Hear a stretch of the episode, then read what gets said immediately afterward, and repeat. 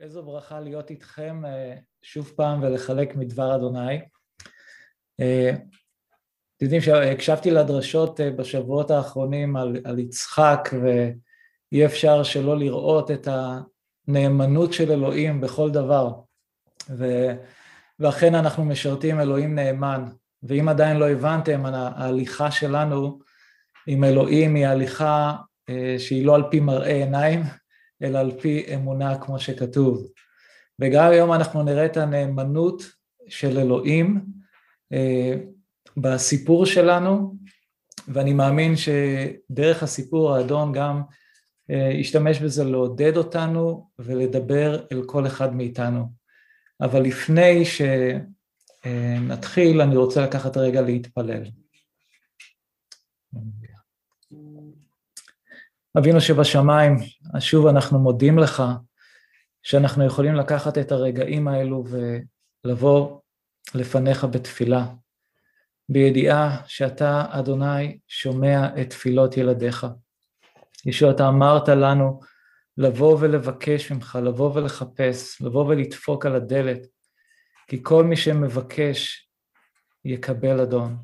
כל מי שמחפש ימצא, וכל מי שמתדפק ייפתח לו. אז אני מבקש אבינו שבשמיים ש... שאנחנו עכשיו יושבים uh, לרגליך בבתים שלנו ומקשיבים לדברך שתיתן uh, מילת עידוד עבור כל אחד מילדיך. אדון אתה יודע כל אחד איפה הוא נמצא בחיים שלו, מה הוא חווה, ולך אדוני אלוהים יש את הכוח אדון לפרוץ דרך, לך יש את הכוח, אדון, אה, לעודד ולחזק. אז אנא, תהיה איתנו בזמן הזה, שהדבר שלך לא יהיה רק אה, מידע עבורנו, אלא שדברך יהיה חיים עבורנו. אני מתפלל בשם ישוע המשיח. אמן. אמן. אז אנחנו נקרא את הקטע שלנו מספר בראשית, פרק כ"ה, פרק 25, פסוקים 19 עד 26. אז אתם יכולים לעקוב אה, עם ספר הכתובים שלכם. ואלה תולדות יצחק בן אברהם. אברהם הוליד את יצחק, ויהי יצחק בן ארבעים שנה, בקחתו את רבקה בת בתואל הארמי, מפדן, מפדן ארם, אחות לבן הארמי לו לאישה.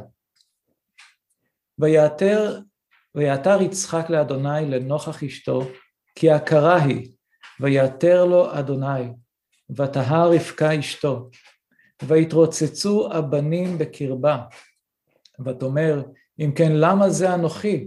ותלך לדרוש את אדוני. ויאמר אדוני לה, שני גויים בבטנך, ושני לאומים ממאייך ייפרדו, ולאום מלאום יאמץ, ורב יעבוד צעיר. וימלאו ימיה ללדת, והנה תומים בבטנה. ויצא הראשון אדמוני כולו כאדרת שיער, ויקראו שמו עשיו. ואחרי כן יצא אחיו, וידו אוחזת בעקב עשיו, ויקרא שמו יעקב, ויצחק בן שישים שנה בלדת אותם. אז אה, כמו ששמענו בשבועות האחרונים אה, על הדרך שבה אלוהים היה מעורב אה, בבחירה אישה ליצחק, מה שאנחנו אומרים שידוך משמיים, זה באמת הדרך שבה אלוהים סידר ליצחק את הכלה המיועד, המיועדת עבורו. אבל המעורבות של אלוהים עדיין ממשיכה גם בסיפור שלנו היום. כשאנחנו שייכים לאלוהים, המעורבות של אלוהים היא לא מעורבות חד פעמית, אלא היא מעורבות יומיומית, הוא תמיד נשאר איתנו במסע האמונה. אני אוהב את ההבטחה שיש לנו באיגרת אה, אל הפיליפים שאומרת, זה בפיליפים ב' 6, בזאת בטוח אני שהמתחיל בכם את הפעולה הטובה, השלם ישלים אותה עד יום המשיח ישוע. אז אה, כשאלוהים פועל בחיים שלנו, שוב, הוא לא עושה את זה ב... דרך חד פעמית, אוקיי, אני עזרתי לך, עכשיו אתה בסדר, אתה תמשיך את החיים שלך בעצמך, אלא אלוהים מלווה אותנו בכל שלב, וזו הנאמנות של אלוהים. ואם אני יכול לתת שם לדרשה של היום, זה האל הנאמן. הוא נאמן לילדיו בכל צעד וצעד. בסיפור שלנו, היום אנחנו רואים שרבקה עקרה, ויצחק מתפלל לאלוהים עבורה. אלוהים שומע את התפילה של יצחק, ובחסדו נותן להם שני ילדים, את עשיו ויעקב. ובתוך הסיפור לא רק שאנו נחשפים ללידה של שני הבנים, אלא גם לנבואה שמנבאת את העתיד שלהם. עכשיו חשבתי על יצחק אה, בסוף הקטע שקראנו, נולדו לו תאומים בגיל 60. אני, אני רק, רק לחשוב את המחשבה הזו של אה, תאומים בגיל שכזה, אני בגיל 52 וכבר דברים פיזית מתחילים ככה לא להיות כמו בצעירותי, אבל לחשוב תאומים בגיל 60 זה די, די מאתגר. אבל אחרי הסיפור המופלא של, של עבד אברהם, כמו שראינו שאלוהים הדריך אותו בכל צעד, ואלוהים הראה לו בצורה מאוד ברורה שרבקה היא האישה שאלוהים בחר עבור יצחק, ראינו כיצד רבקה גם הייתה צריכה להחליט בעצמה ולקבל שזו הייתה ההדרכה של אלוהים, זו הייתה התוכנית של אלוהים גם עבורה מבלי שהיא ראתה את יצחק, ואני לא מאמין שהעבד אברהם הייתה לו איזו תמונה להראות לה אולי איך הוא נראה, אולי היא בטח שאלה איך הוא נראה, אבל לא היה איזה משהו פיזי אפילו להראות, והיא עשתה את זה גם מתוך אמונה אה, כשהיא יצאה אה, ללכת אה, ולהתחתן עם יצחק. ראינו כיצד גם המשפחה שלה בירכה אותה ושלחה אותה, שזה גם דבר לא מובן מאליו, כשאני פשוט חושב על, על, על הבת שלי, עכשיו שתי בנות כבר נשואות אבל יש אחת שעדיין לא, אז ממשיכים להתפלל, או מה שהיא תעשה לי עכשיו, אבל, אבל זה מדהים לחשוב שמישהו יבוא אליי ויגיד לי, תקשיב, אלוהים שלח אותי ו, ו, ויש איזה מישהו מיועד לבת שלך ואני אגיד לו כן, אתה יכול לקחת את הבת שלי, לא נראה לי שיש סיכוי שאני אעשה דבר כזה, אלא אם כן באמת אני אשמע את כל אלוהים בצורה ברורה, אז, אז אפילו ההחלטה של המשפחה זה היה משהו ש, שאלוהים הדריך. ועם כל ההדרכה הזו ועם כל התוכנית, כל המעורבות של אלוהים בתוכנית, בשידוך הזה, אה, היינו מצפים לקרוא ואלה תולדות יצחק בן אברהם אברהם הוליד את יצחק ויצחק הוליד את עשיו ואת יעקב, אבל זה לא בדיוק מה שקרה. פתאום זה שכאילו הסיפור נתקע, פתאום יש איזה מכשול בדרך שחוסם לכאורה את התוכנית של אלוהים. העננים פתאום מסתירים את השמש, יש איזה סוג של הר שמסרב להיעקר ולהיות מושלך אל תוך הים, ונראה שהתוכנית של אלוהים לא יוצאת לפועל. רבקה, תחשבו על זה, הכרה במשך עשרים שנים. והשאלה שעולה, מה יקרה לתוכנית אלוהים עכשיו? הברכה עברה לאברהם, הברכה עוברת ליצחק, והברכה אמורה להימשך, אבל יש כאן עקרות, יש כאן פה מכשול מאוד רציני. וברגע שיש מכשול, ברגע שדברים נתקעים בחיים שלנו, יש סכנה מאוד מאוד גדולה. והסכנה היא זה שאנחנו יכולים לקחת את העניינים לידיים שלנו, לקחת את המושכות ולקבל החלטות בעצמנו. אבל ראינו את זה קורה ושמענו על זה שבוע שעבר כמו בסיפור של אברהם, אתם זוכרים? אברהם ושרה, האם תהיה שוב הגר? האם שוב יהיה ישמעאל? ופה בסיפור אנחנו רואים שהתשובה היא לא.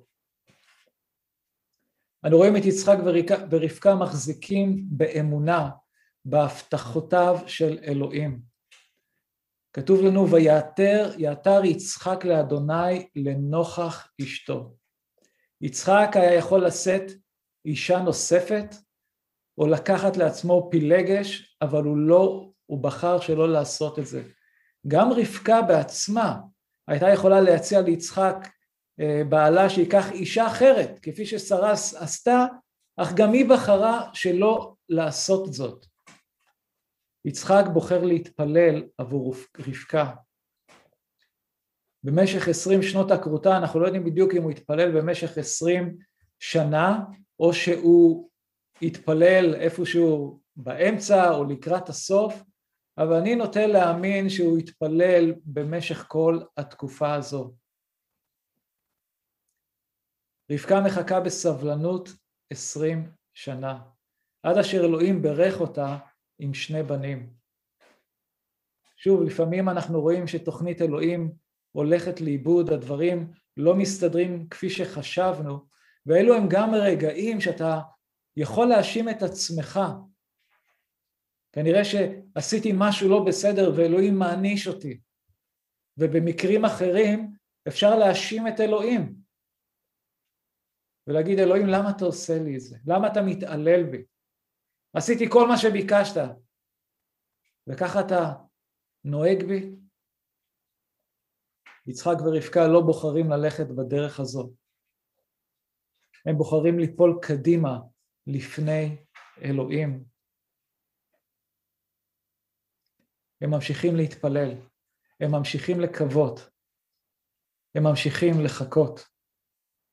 והביטחון שלנו כמאמינים בישוע הוא אותו ביטחון כאשר אנחנו מתפללים על פי רצון אלוהים. אנחנו חייבים לדעת שכל עוד אנחנו מתפללים על פי רצון אלוהים, אלוהים כן יגשים את ההבטחות שלו. כשאנחנו מתפללים על פי רצון אלוהים, אם אלוהים הבטיח משהו, הוא יעשה זאת. נכון שאנחנו היינו רוצים שזה יקרה בצורה מאוד מהירה כאן ועכשיו, אבל אלוהים יש לו את הזמן שלו בכל דבר.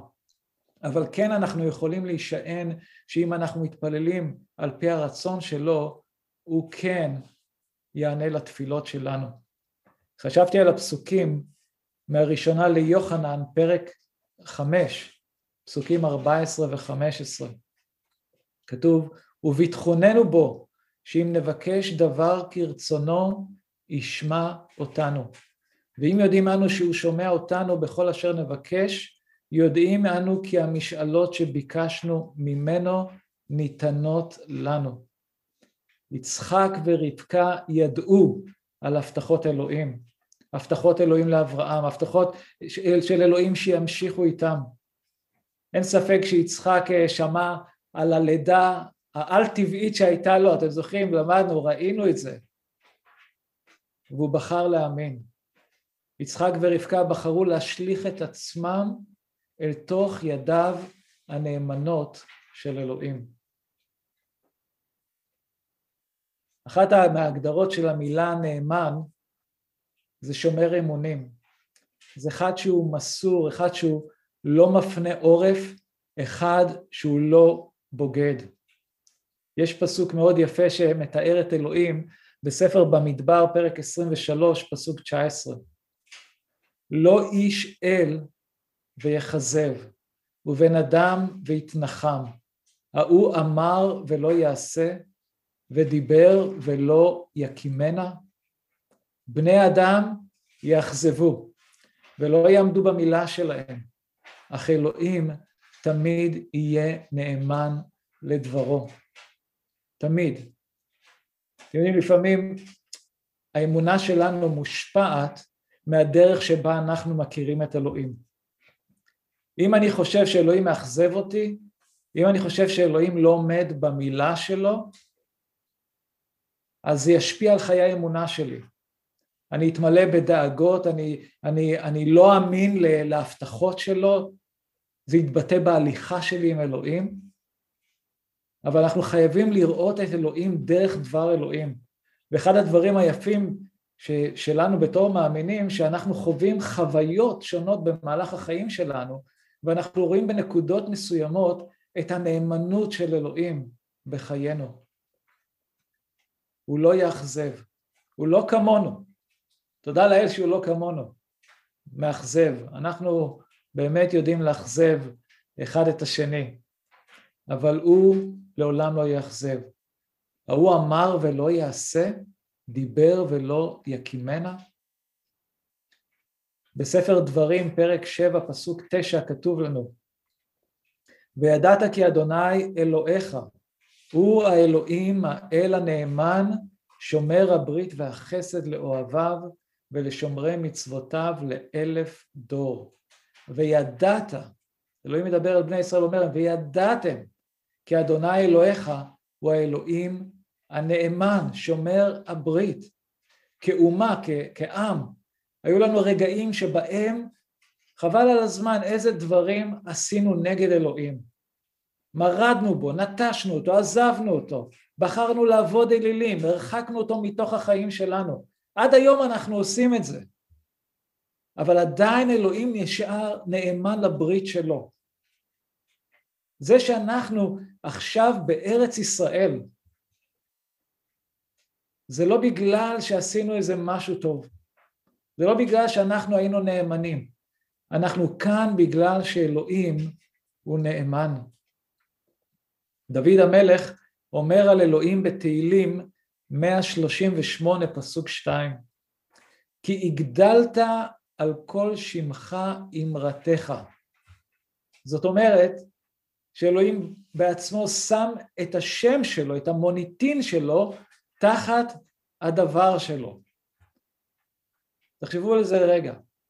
אלוהים שם את השם שלו, המוניטין שלו, תחת הדבר שלו. זאת אומרת ש, שאם אני לא אקיים את מה שאני מבטיח, אז אני לא אלוהים. כמה פעמים שמענו את זה? אם אני לא, אם אני לא אעשה את זה, לא קוראים לי דני. כאילו, נכון אנחנו, אבל אנחנו תמיד uh, מפספסים פה ושם. אבל אלוהים, אין דבר כזה, אין דבר כזה אצלו שהוא הבטיח והוא לא יקיים. בברית החדשה, בשנייה לטימותאוס, פרק 2, פסוק 13, כתוב לנו, אם איננו נאמנים, הוא נשאר נאמן, כי לא יוכל להתכחש לעצמו. הנאמנות של אלוהים בחיים שלנו לא תלויה בנאמנות שלנו אליו. אנחנו בני אדם, אנחנו נכשלים, אנחנו לא תמיד נאמנים, אנחנו לא תמיד שומרים על המילה שלנו, אבל אלוהים תמיד ישמור על המילה שלו, הוא תמיד יהיה נאמן, גם כשאנחנו לא נאמנים. מה שמעניק לנו ביטחון ויציבות באמונתנו, הידיעה שאלוהים תמיד יישאר נאמן לדברו ולהבטחותיו. יש פסוקים שהם די קשורים לימים האחרונים, אלו שאולי ראיתם, אה, טוב באזור שלנו לא ראינו את השלג כל כך, אבל הפסוק הזה שמדבר על, ה, על השלג והגשם בישעיה, פרק אה, נ"ה, פרק 55, פסוק 10 ו-11, תקשיבו מה דבר אדוני אומר, כי כאשר ירד הגשם והשלג מן השמיים, ושמה לא ישוב, כי אם ערבה את הארץ, והולידה והצמיחה ונתן זרע לזורע, ולחם לאוכל, כן יהיה דברים אשר יצא מפי, ולא ישוב אליי ריקם, כי אם עשה את אשר חפצתי, והצליח אשר שלחתיו.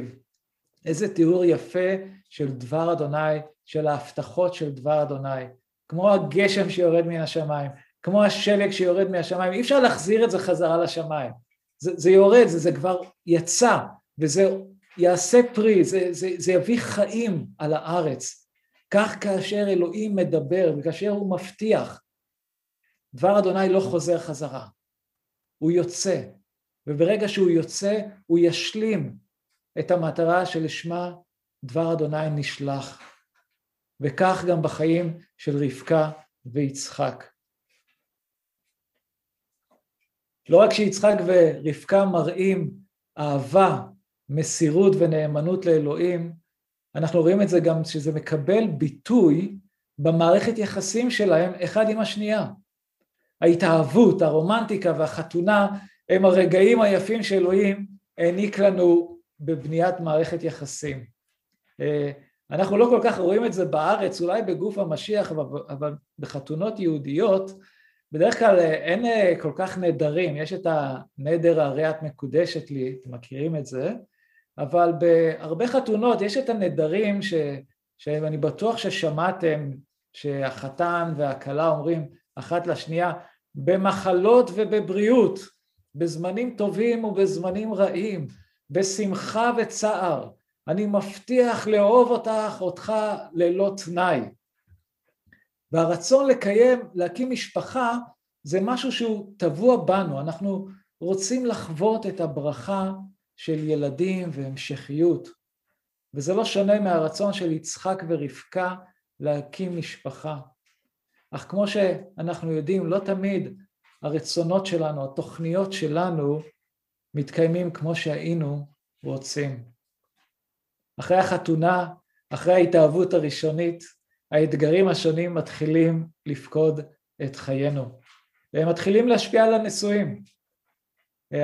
אחת מהסיבות, לפחות בארץ, לגירושין זה מצב כלכלי, זה ציפיות שלא התגשמו, זה חוסר תמיכה, אלימות מילולית, אלימות פיזית, בגידות, יש כאלו שאומרים חוסר התאמה, שעמום, בלי רומנטיקה, והרשימה ארוכה. אתם יודעים שבהלכה היהודית עקרות היא אחת הסיבות שאפשר בעצם להתגרש.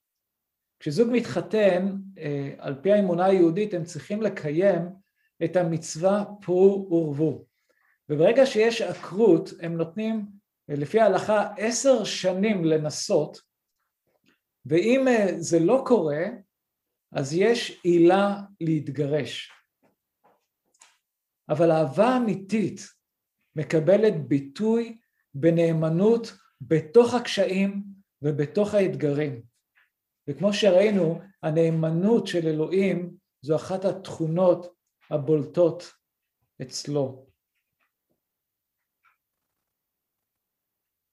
יצחק בוחר לפתוח באלוהים.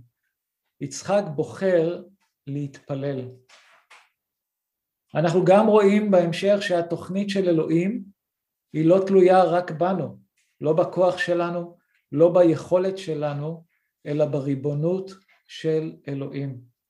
ואנחנו רואים לאורך הכתובים כיצד אלוהים בוחר דווקא באנשים הכי לא צפויים, או במצבים הכי בלתי אפשריים כדי להגשים את התוכנית שלו.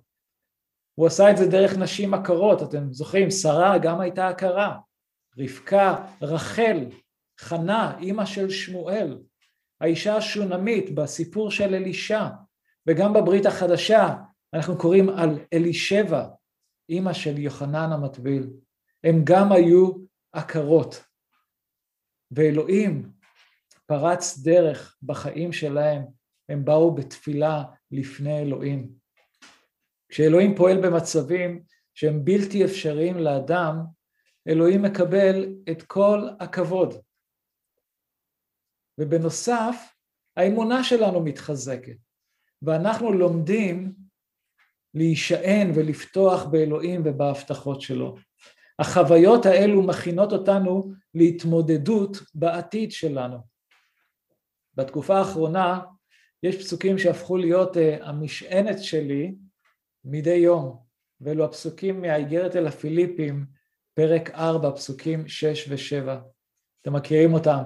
אל תדאגו לשום דבר, כי אם בכל דבר הציגו משאלותיכם לאלוהים בתפילה ובתחנונים ובהודיה, ושלום אלוהים הנשגב מכל שכל, ינצור את לבבכם ואת מחשבותיכם במשיח ישוע. רבים מכם יודעים שלא מזמן אנחנו עברנו דירה, תהליך שנמשך ממש כמה חודשים טובים, ובמהלך הדרך היו לנו המון אתגרים, אתגרים בריאותיים, אתגרים מול הבנקים, אתגרים מול הקבלן, והרשימה עוד ארוכה. ומצאתי את עצמי מצטט את הפסוקים האלו מדי יום כמה פעמים.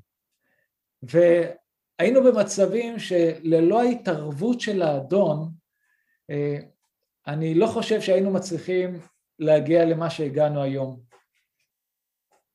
ופעם אחר פעם אני מעיד כאן לפני אלוהים שראינו את הנאמנות של אלוהים בחיינו. הוא דאג לנו והוא נלחם את המלחמות שלנו והוא פרץ דרך עבורנו. ואני בטוח שחלק מכם גם מתמודדים עם, כרגע עם מצבים לא פשוטים, מצבים שללא ההתערבות של האדון אין סיכוי שמשהו יקרה, או שאתם נמצאים במצבים בשלב הזה שאתם ממש מרגישים שדאגה משתלטת על החיים שלכם. זה גורם לכם לא לישון טוב בלילה, זה גורם לכם להיות במחשבות כל הזמן, זה גורם גם לפחד. זה יכול להיות אולי מצב בריאותי, זה יכול להיות מצב כלכלי או עניין משפחתי. אפילו חלק מכם רוצים להקים משפחה, ואפילו כאלו שמתמודדים עם כל הנושא של להביא ילדים לעולם. אחים ואחיות יקרים, שהסיפור של יצחק ורבקה יהיה לכולנו לעידוד ונחמה. בואו נבחר לעשות את מה שהם עשו, להאמין, להתפלל ולחכות בסבלנות עד אשר אלוהים יענה.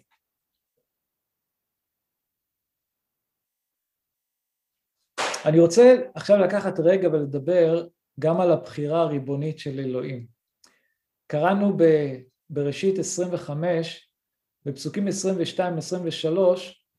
אחרי שאלוהים ענה לתפילות של יצחק ורבקה, היא מוצאת את עצמה בהיריון, וככל שהחודשים עוברים, אה, כתוב, ויתרצצו הבנים בקרבה, ותאמר אם כן למה זה אנוכי ותלך לדרוש את אדוני. ויאמר אדוני לה שני גויים בבטנך ושני לאומים ממאייך ייפרדו ולאום מלאום יאמץ ורב יעבור יעבוד צעיר. עכשיו רבקה מרגישה סוג של איזה מלחמה שמתחוללת בתוך הבטן שלה.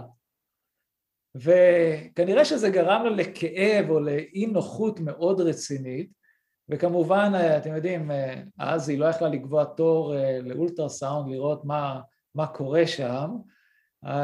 אז באותה תקופה, אם היית רוצה לעשות אולטרסאונד, היית הולך להתפלל לאלוהים, וזה בדיוק מה שהיא עשתה. היא הלכה, היא דרשה את מלא אלוהים, מה קורה? מה קורה בתוכי?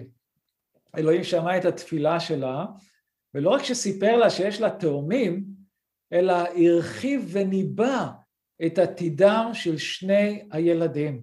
שני הילדים ייפרדו להיות שני לאומים. אנחנו יודעים שעשו יהפוך להיות אדום ויעקב ישראל.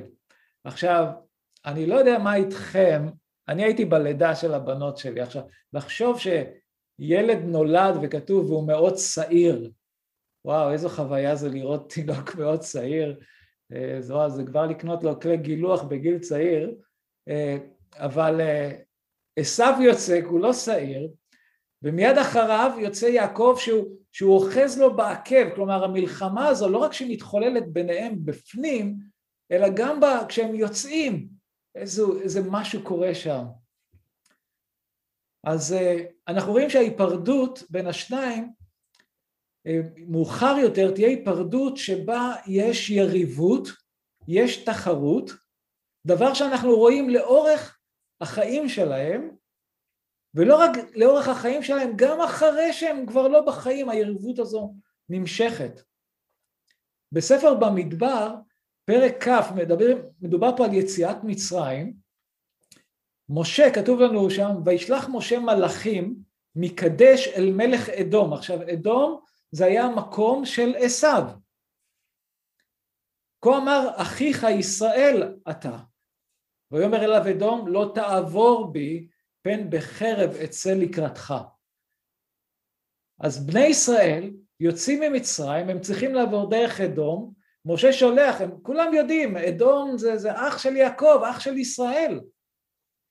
ואדום עדיין, יש שם, אתה רואה את המרירות, את הכעס, את השנאה, לא, אתם לא תעברו פה. ולמרות זאת, אלוהים ציווה על ישראל שלא לשנוא את אדום. בספר דברים, פרק 23, פסוק 8, כתוב, לא תתעב אדומי, כי אחיך הוא. למרות היריבות, למרות הכעס שהיה בין השניים, אלוהים אומר, אל תתעב אותו, אל, אל תשנא אותו, אל תדחה אותו.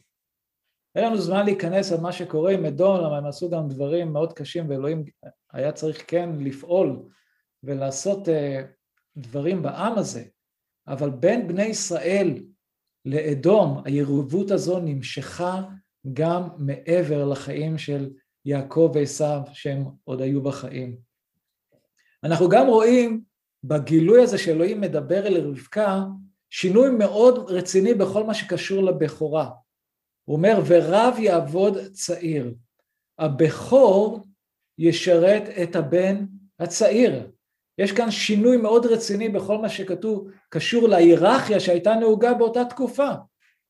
ראינו את זה קורה עם ישמעאל ויצחק, ראינו את זה קורה עם אפרים ומנשה, ראינו את זה קורה עם דוד ואחיו. וכאן אנחנו רואים את הבחירה הריבונית של אלוהים עוד לפני שהילדים נולדו, או עשו טוב או רע. בברית החדשה האירוע הזה מוזכר באיגרת אל הרומים. יכולים לפנות לשם, זה נמצא באיגרת אל הרומים פרק ט', פרק 9, פסוקים 10 עד 13.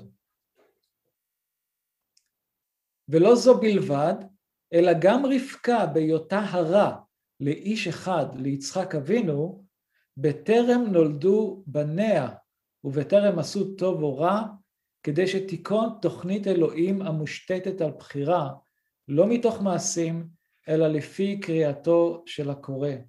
נאמר לה, ורב יעבוד צעיר, ככתוב, ואוהב את יעקב ואת עשיו שנאתי.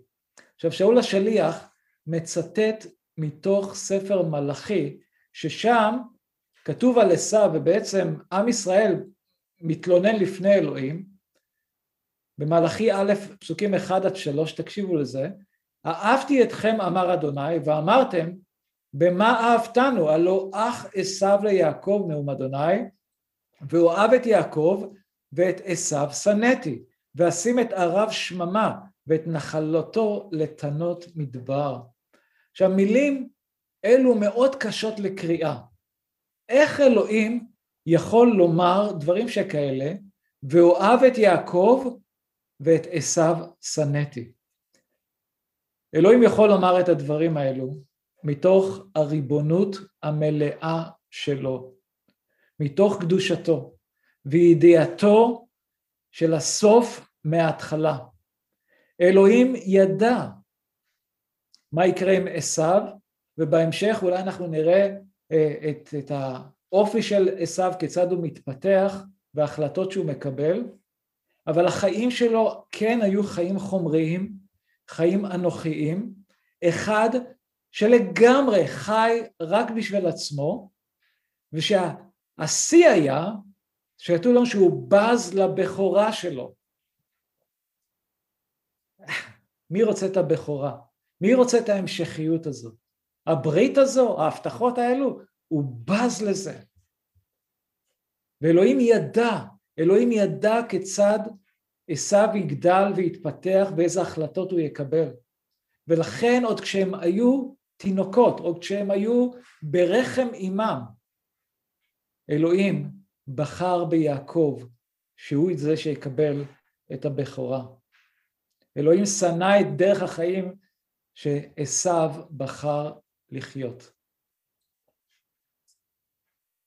יש פסוק ש... מלווה אותי גם הרבה פעמים כשאני חושב עליו, זה פשוט נותן לי נקודת ראייה כל כך אה, יפה על אלוהים, ואני מקווה שזה גם יהיה עבורכם, וזה פסוק שלקוח מספר דברי הימים, ב' פסוקים, אה, פרק ט"ז פסוק תשע, זה פרק 16. כי אדוני עיניו משוטטות בכל הארץ, להתחזק עם לבבם שלם אליו. עיני אדוני מהשמיים משוטטות בכל הארץ, ואלוהים רואה את הלב של כל אחד מברואיו, הוא רואה את הלב שלנו, והוא יודע למי יש לב אחריו ולמי אין. וכשתבינו שהבחירה של אלוהים זו בחירה ריבונית, זו בחירה שלא תלויה במעמד של אדם, בכישרון של אדם, ביכולות שלו, במראה שלו, בגיל שלו, במין שלו, בהכנסה שלו, אלוהים, הדברים האלה לא עושים רושם עליו. הוא בוחן את לב האדם. הוא רואה מה שיש בתוכנו, וכך הוא מקבל את הבחירות שלו. אז אנשים שלפעמים אנחנו חושבים, וואו, אלה המתאימים, לפעמים הם דווקא לא מתאימים, כמו בסיפור של דוד ואחיו. כשאלוהים ראה את הלב של דוד, רועה צאן, שם לבד, שאפילו לא החשיבו אותו, אפילו לא קראו לו כששמואל בא, אבל אלוהים ראה את הלב שלו, שהיה לו לב אחריו, אלוהים בחר בו להיות המלך בישראל. וגם בדור שלנו אלוהים עדיין העיניים שלו משוטטות בכל הארץ, והוא מחפש את אלו שהלב שלהם שלם אליו. אלוהים בחר ביעקב.